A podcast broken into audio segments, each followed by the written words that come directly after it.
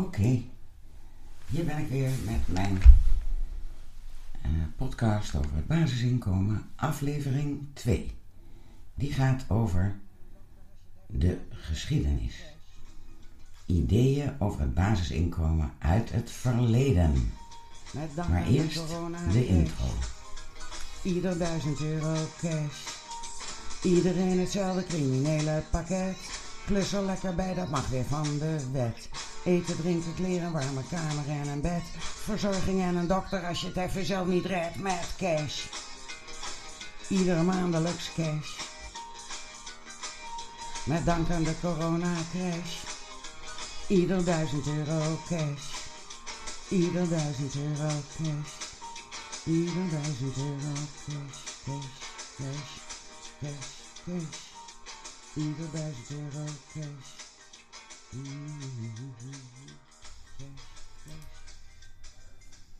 Een vorm van onvoorwaardelijk basisinkomen is geen nieuw idee.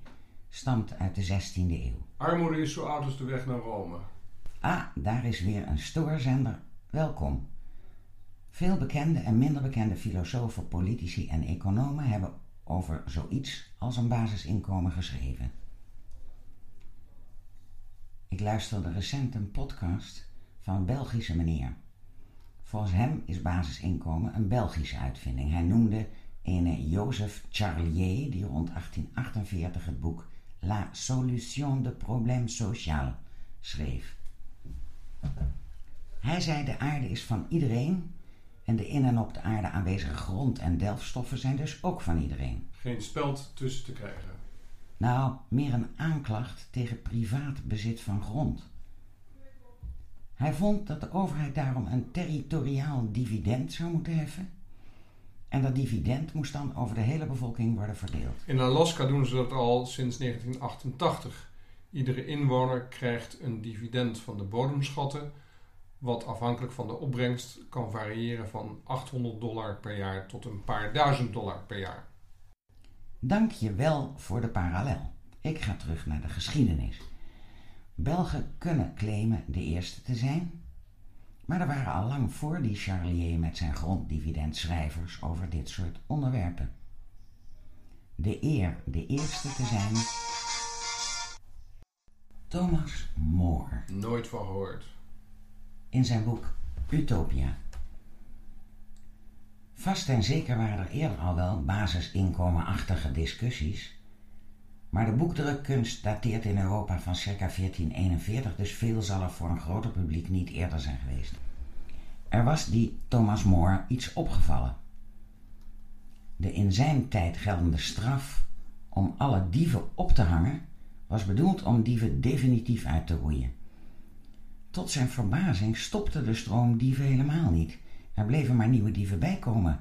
En toen schreef hij een waarheid als een koe. No penalty on earth will stop people from stealing if it's their only way of getting food.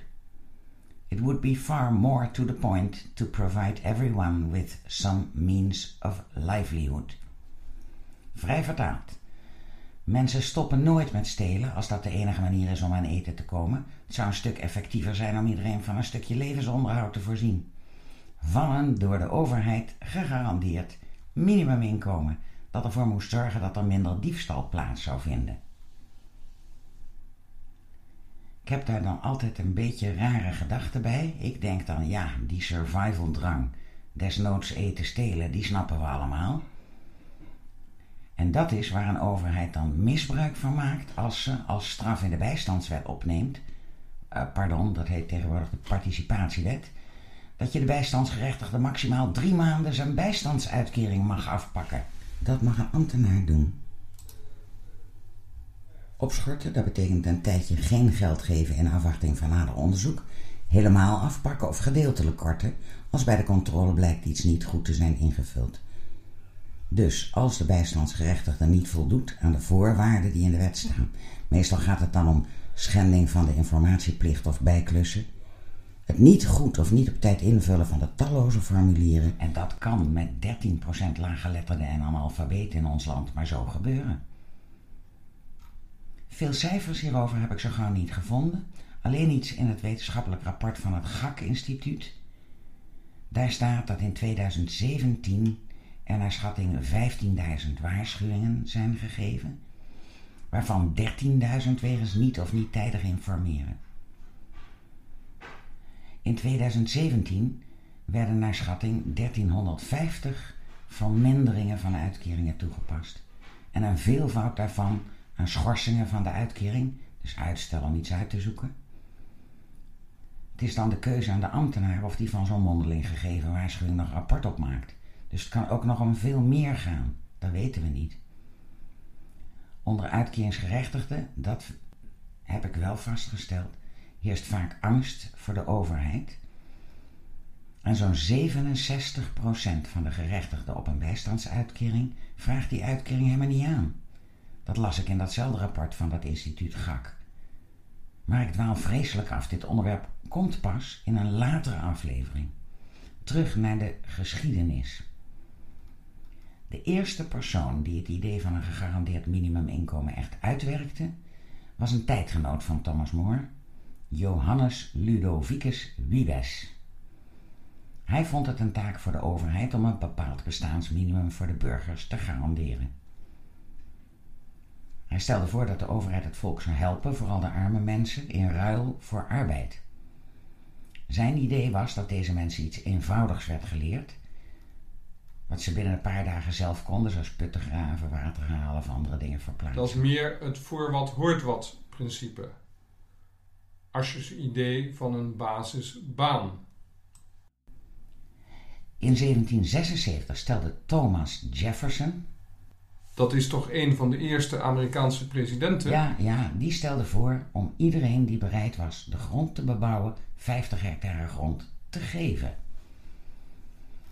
Op deze manier probeerde hij het inkomen van arme mensen veilig te stellen. Later bekend als de eerste homestead.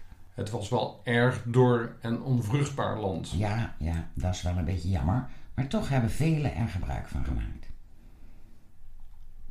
Een programma wat door andere landen is gekopieerd. Waarschijnlijk was het ook het eerste overheidsprogramma dat inkomsten voor armen veilig trachtte te stellen. Tegen het eind van de 18e eeuw kwam er een ander idee op om de armoede in Europa te verminderen. De eerste persoon die met dit idee kwam was de activist Antoine Carita Marquis de Condorcet. Condorcet was een voorvechter van gelijke rechten voor vrouwen en slaven. En hij beschreef zijn opvatting hierover in beschouwingen over de negerslavernij, 1781. En in zijn laatste boek, dat werd gepubliceerd door zijn weduwe, schetste hij een beeld van hoe sociale zekerheid eruit zou kunnen zien en hoe dit plan de ongelijkheid, onzekerheid en armoede kon verminderen. De markies was nog niet dood, of Thomas Paine, er zijn wel veel Thomassen, kwam in 1795 met het boek Agrarian Justice over agrarische rechtvaardigheid.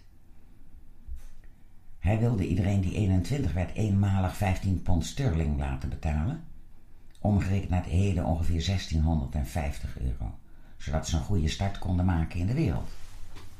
Dus die Piketty die steelt gewoon een stokoud idee met zo'n 125.000 euro voor alle 25-jarigen. Ja, maar Piketty is een stuk royaler. En daarnaast wilde Thomas Paine iedereen die 50 jaar werd, jaarlijks 10 pond sterling, omgerekend ongeveer 1100 euro, uitbetalen zodat ze op latere leeftijd niet in financiële problemen zouden komen.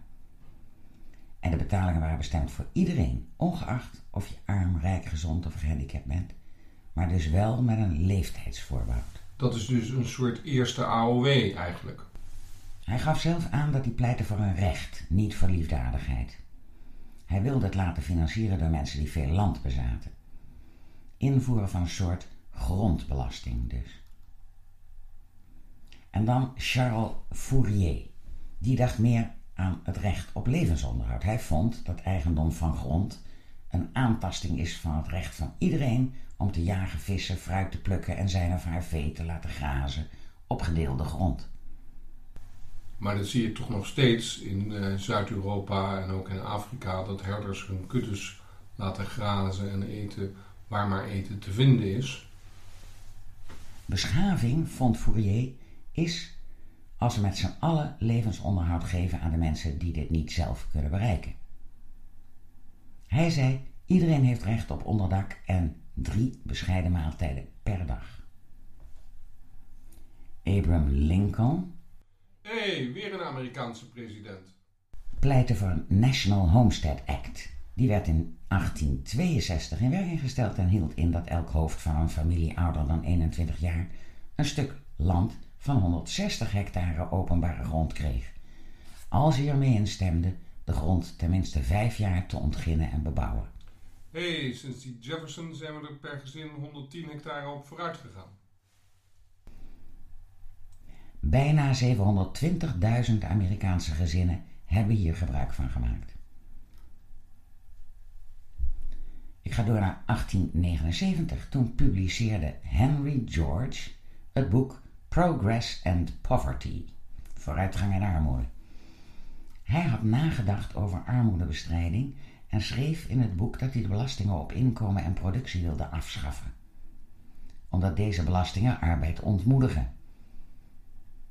Hij wilde deze belastingen vervangen door één enkel belastingtarief op land. Hij hield vol dat deze maatregelen een einde zouden maken aan armoede. Arbeid en productie minder belasten, dat hoor je veel economen tegenwoordig ook zeggen. In het laatste boek dat Martin Luther King schreef, geheten Where Do We Go From Here? Chaos or Community, gebruikte hij een citaat uit dat Progress and Poverty om een gegarandeerd inkomen te verdedigen. Hier komt de vertaling van dat citaat.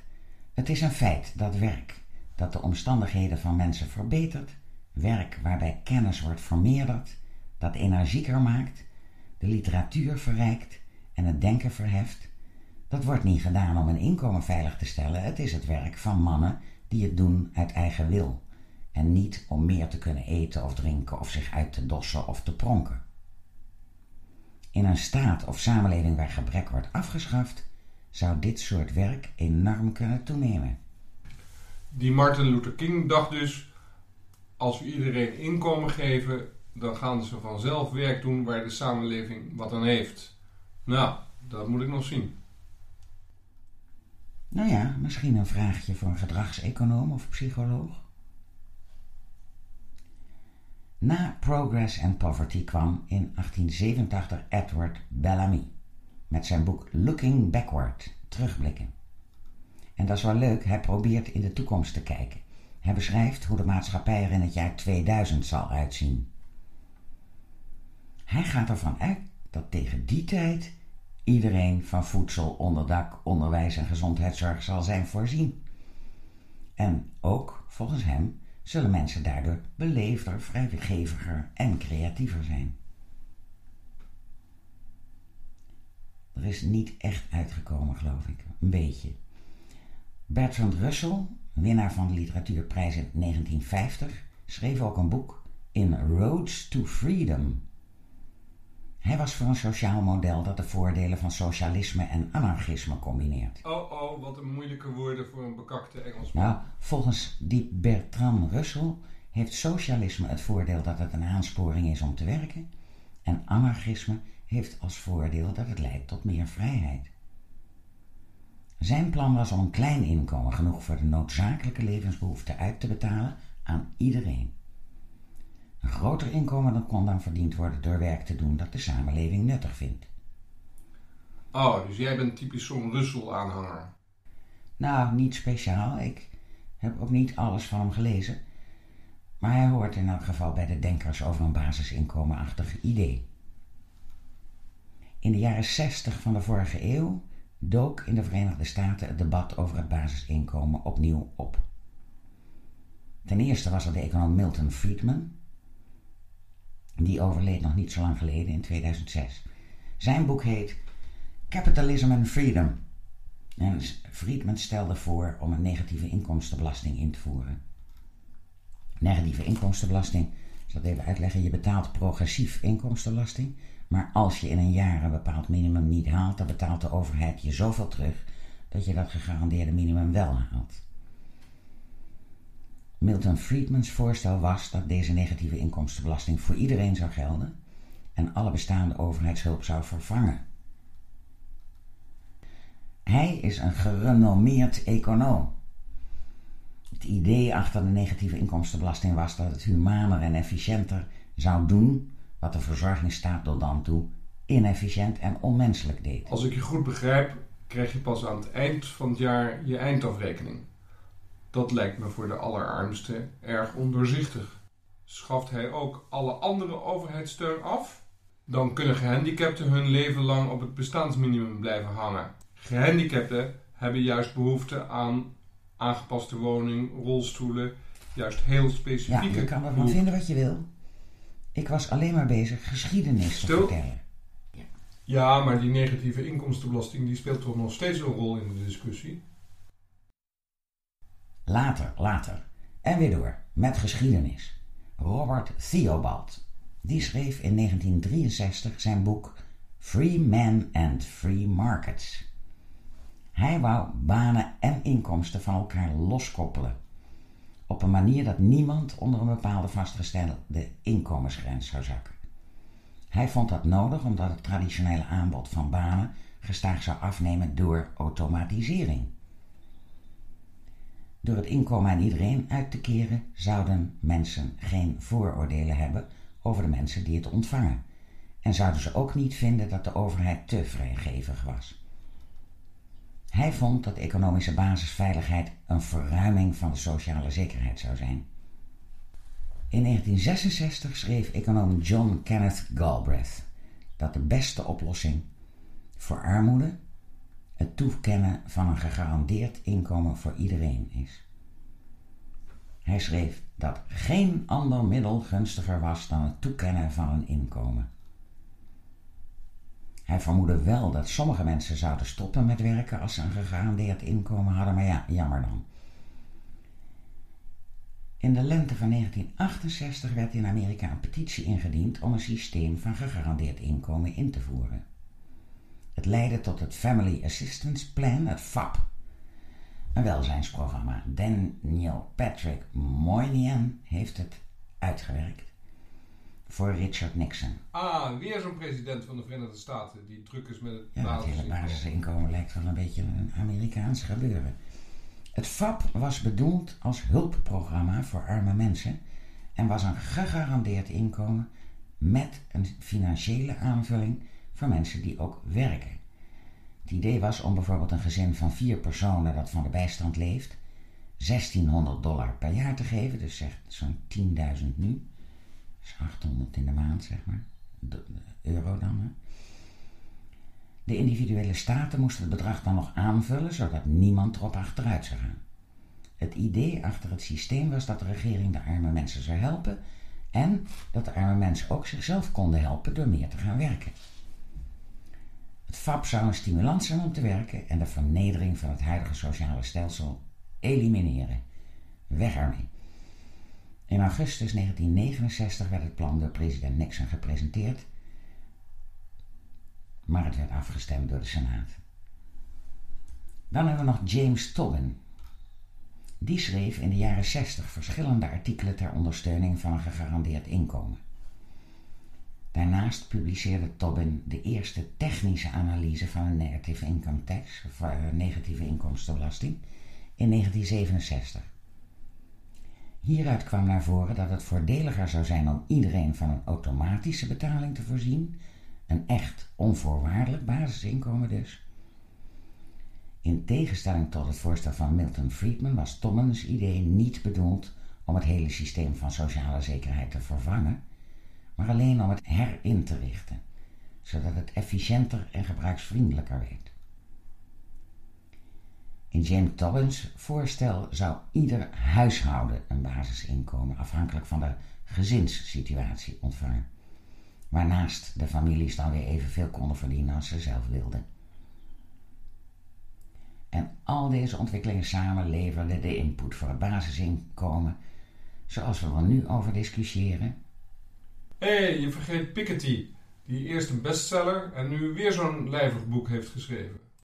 Nee, die vergeet ik niet, maar die is nog geen geschiedenis. Die is meer actualiteit en leverancier van data.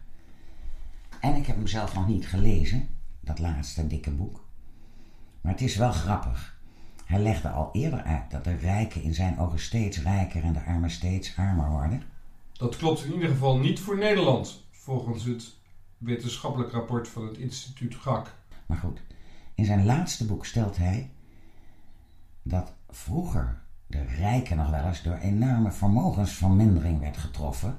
Bijvoorbeeld als er oorlog was, revoluties en andere crisis zoals de uitbraak van de pest. Maar dat komt tegenwoordig niet meer voor, die correctie van te grote vermogens, zei hij. De inkt van zijn boek was nog niet droog of het coronavirus stak de kop op. Dat kon wel eens 20 tot 30 procent krimp geven voor grote vermogens. Dat verdampt dan, daar heeft niemand wat aan. Nou ja, whatever. Dit was het korte historische verhaal over basisinkomen. Wat me opvalt is dat veel argumenten gerelateerd zijn aan armoedebestrijding. Ook een eind willen maken aan stigmatisering van de zwakken. Kom je veel tegen? En een paar vinden ook dat je enkele bestaan, je levensonderhoud, een recht is. Dat niet afhankelijk moet zijn van liefdadigheid. Oh, dus vrijheid van economisch bestaan. Net als vrijheid van onderwijs en vrijheid van meningsuiting. Waar we met z'n allen voor zorgen. Iets dergelijks staat ook in artikel 28 van de Universele Verklaring van de Rechten van de Mens. De overheid moet voor de bevolking een minimaal bestaan verzorgen. Ja, maar er staat natuurlijk niet opgeschreven hoe ze dat moeten doen. Het is dus niet verboden aan overheden om voorwaarden te stellen op het moment dat ze geld geven aan iemand. Of enige andere uitkering. Ja, daarom kun je zelfs voor het absolute bestaansminimum toch aan heel veel regels moeten voldoen. Kunnen we daar ook niet snel geschiedenis van maken? Daar gaat deze aflevering niet over. Voor wie meer wil lezen. Het meeste komt uit het boek Ketelaars, verkorte geschiedenis van het basisinkomen 2014, of van internet. Het Basic Income Earth Network, BIEN. Oh ja, ik heb voor deze aflevering heel veel overgenomen uit een werkstuk over het basisinkomen van Kim Heidel en Sanne van Heiningen. Dank jullie wel. Tot de volgende aflevering. Oh ja, nog even. De gelukkige werkeloze nog voor er voor basisinkomen is gekozen. Nooit meer werken. Volgende week krijg ik mijn subsidie. En drie dagen na heb ik een uitkering. Gaan jullie lekker maar werken. We allemaal morgen naar het werk. Morgen werken. En ik slaap lekker uit tot 12 uur, 11 uur. Misschien wel tot 3 uur. Fuck jullie allemaal. Voor een hongerloontje werken. Hongerloon werken. Met je vaste baan. Fuck jullie. Neuk je baas in de kont. ik hoef helemaal niet te werken. Ik zie eruit hoe ik eruit wil zien. Maar ik hoef niet te werken. Dat is representatief, Representatief. Moet je naar je ik hoef nooit te werken. Er is ook toekomst. Werk. Ik, ik werk nooit. Ik ga nooit werken. Ik werk niet. Ik werk niet. Ik heb steun. Je leeft maar één keer. Eén keer. Leven de uitkering.